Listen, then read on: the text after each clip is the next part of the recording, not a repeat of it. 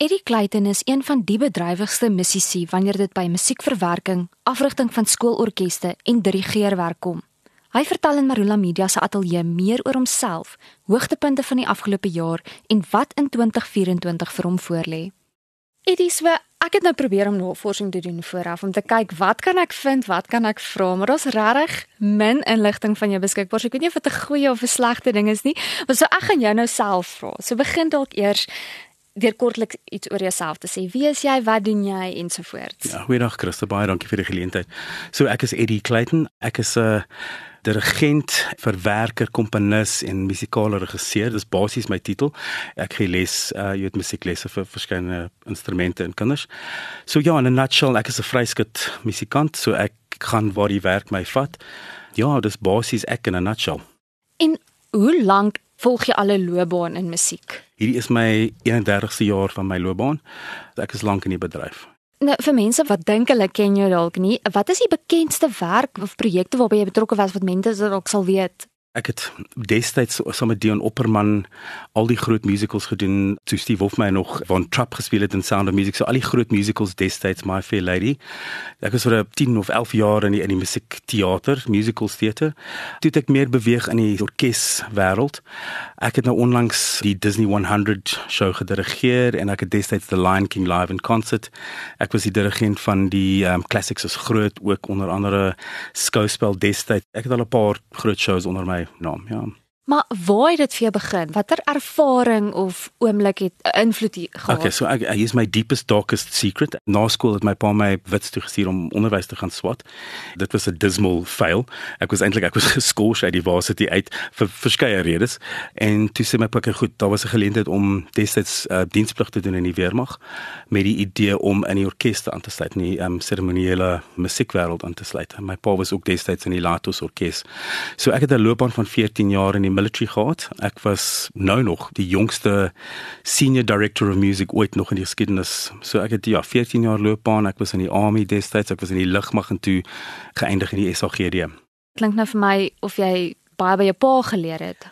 Ja, my ma en pa is altyd baie musikaal. My hele familie, ek kom uit 'n generasies. My oupa Grootjie was Horace Barton. Hy was 'n bekende komponis op sy dag baie aan my ma se kant meer was die musiek. Um, my oom is John Wille, hy was die top altfield speler professor John Wille op Blommies. So ja, ons kom uit 'n lang musikale familie. En jy is ook met 'n musikant getroud. Met 'n musikant getroud ook nog en ons kinders, my oudste seun in Londen wil nou musiek swat, hy wil um film scoring gaan swat. So ja, musiek is maar in ons bloed. Kom ons gesels gou 'n bietjie oor 2023. Hoe het jy die jaar ervaring? Kan jy spesifiek dalk uitbrei oor die konserte en die skoolorkeste waarby jy betrokke is? Fantasties. Okay, so 2023, ek weet almal haat dit, maar na COVID, ons het ons het obviously baie gesukkel in COVID. 2023 was vir die eerste keer vanaf die pandemie ingekom het, het ons weer basies normaal gefunksioneer. Inteendeel ons het eintlik meer gefunksioneer. Ek was nog nooit so besig in my lewe nie. Ek en my vrou Zita verskriklik besig. Dit was 'n fantastiese jaar. So ons speel al vir 3 jaar bietjie catch up na al die drama. So 23 was 'n ongelooflike jaar. Onder andere Disney 100 was hierdie jaar want uh, Disney vier hulle 100 jaar.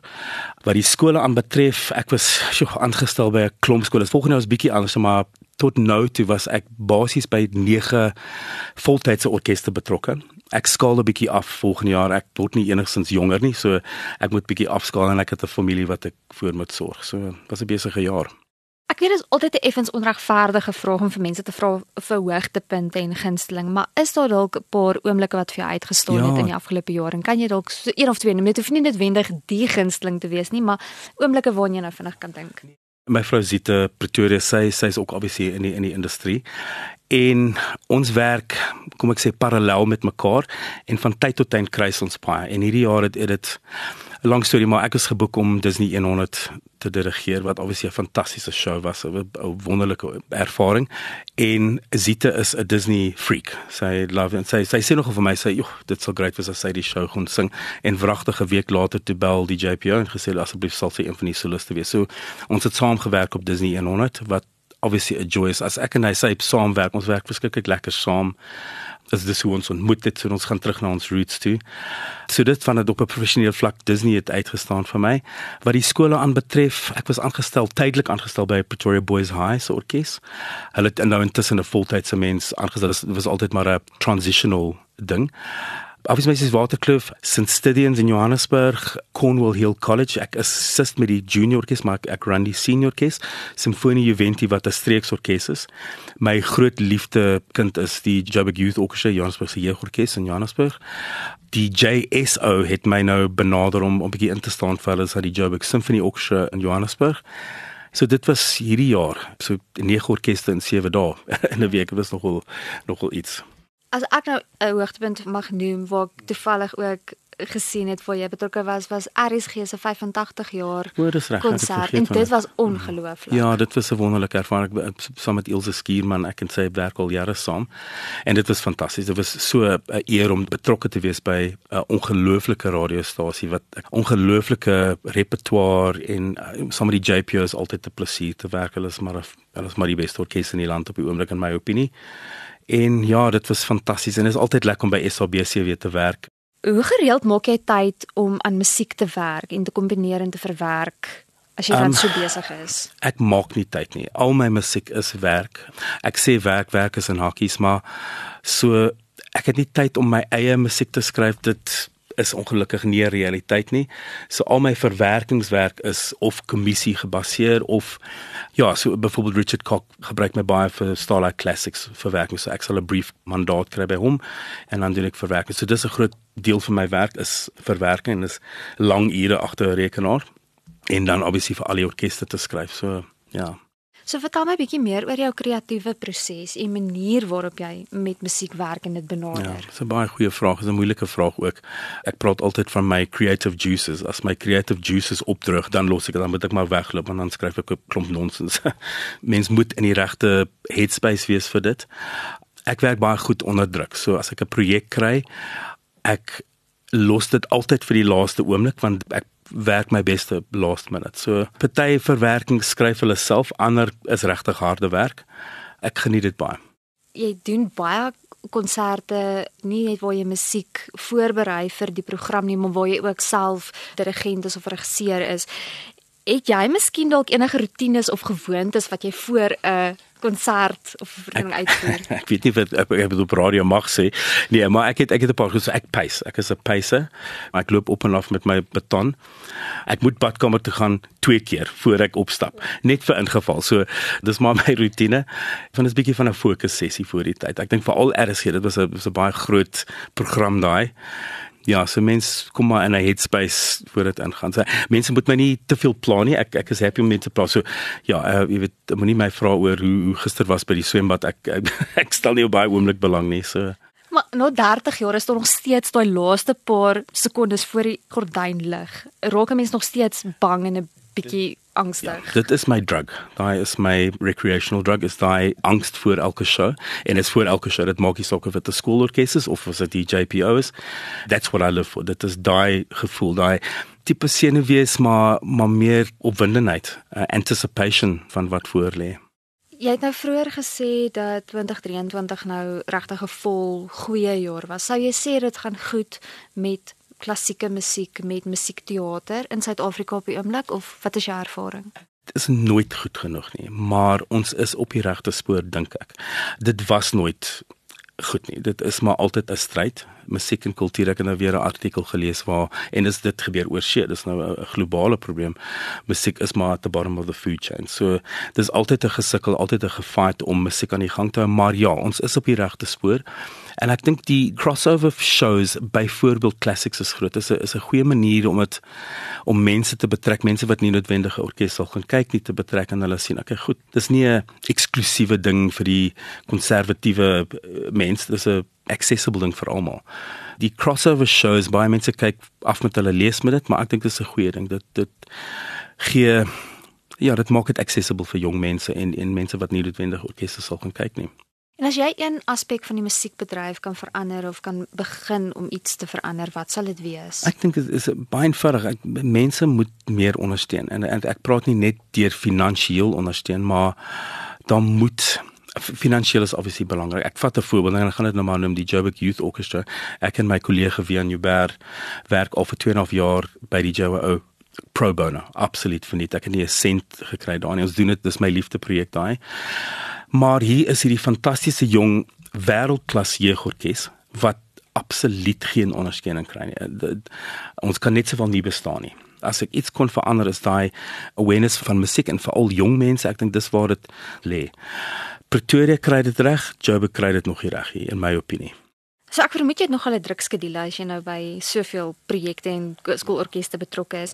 Hoe balanseer jy dan werk en jou persoonlike lewe? Is dit soms vir jou moeilik? Dis baie moeilik, ja. Ek voorbeeld ek ry op 'n Sondag aand, eet ek aandete met my familie en ek sien my kinders eers weer Donderdag aand. En hulle is kleintjies 2 en 3. So dis moeilik. Dis dis dit dat ek nou 'n bietjie afskaal volgende jaar want ek het 'n redelike ander tipe skedule. So ek sien nie kinders op ander tye as 'n sê maar 'n businessman wat 9 to 5 werk. Maar dit is 'n groot prioriteit vir my hierdie jaar om bietjie meer tyd saam met my familie te spandeer. Het julle reeds vakansieplanne en waarna sien jy uit oor die feestyd? Kan nie wag nie. Ons doen 'n stay home vakansie hierdie jaar. En het jy al begin dink aan 2024 en wat jy graag sal bereik? Ek dink jy het nou reeds 'n bietjie daaraan geraak, maar sê tog vir ons. Ja, kyk, elke jaar is maar 'n mystery. Ons weet nooit presies wat aangaan. Ek het twee minder orkeste hierdie jaar wat goed is vir my persoonlike lewe.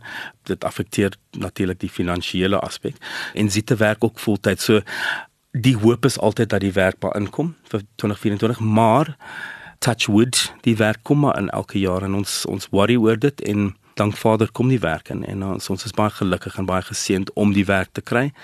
Ons is proaktief, maar ons jy weet mense kan ook net so proaktief wees as jy jy hoop en jy bid maar vir die werk en, die, en as die werk kom is dit fantasties die orkeste wat jy afgerig het. Jy het dit nie net afgerig nie, was nie net betrokke nie. Dit het regtig goed gedoen. Wil jy dalk net iets van sê ja. oor sukses en oor toekenninge en erkenning? Kom ons begin by Hoërskool Waterkloof se orkes. Ek is al so 7 jaar nou daar.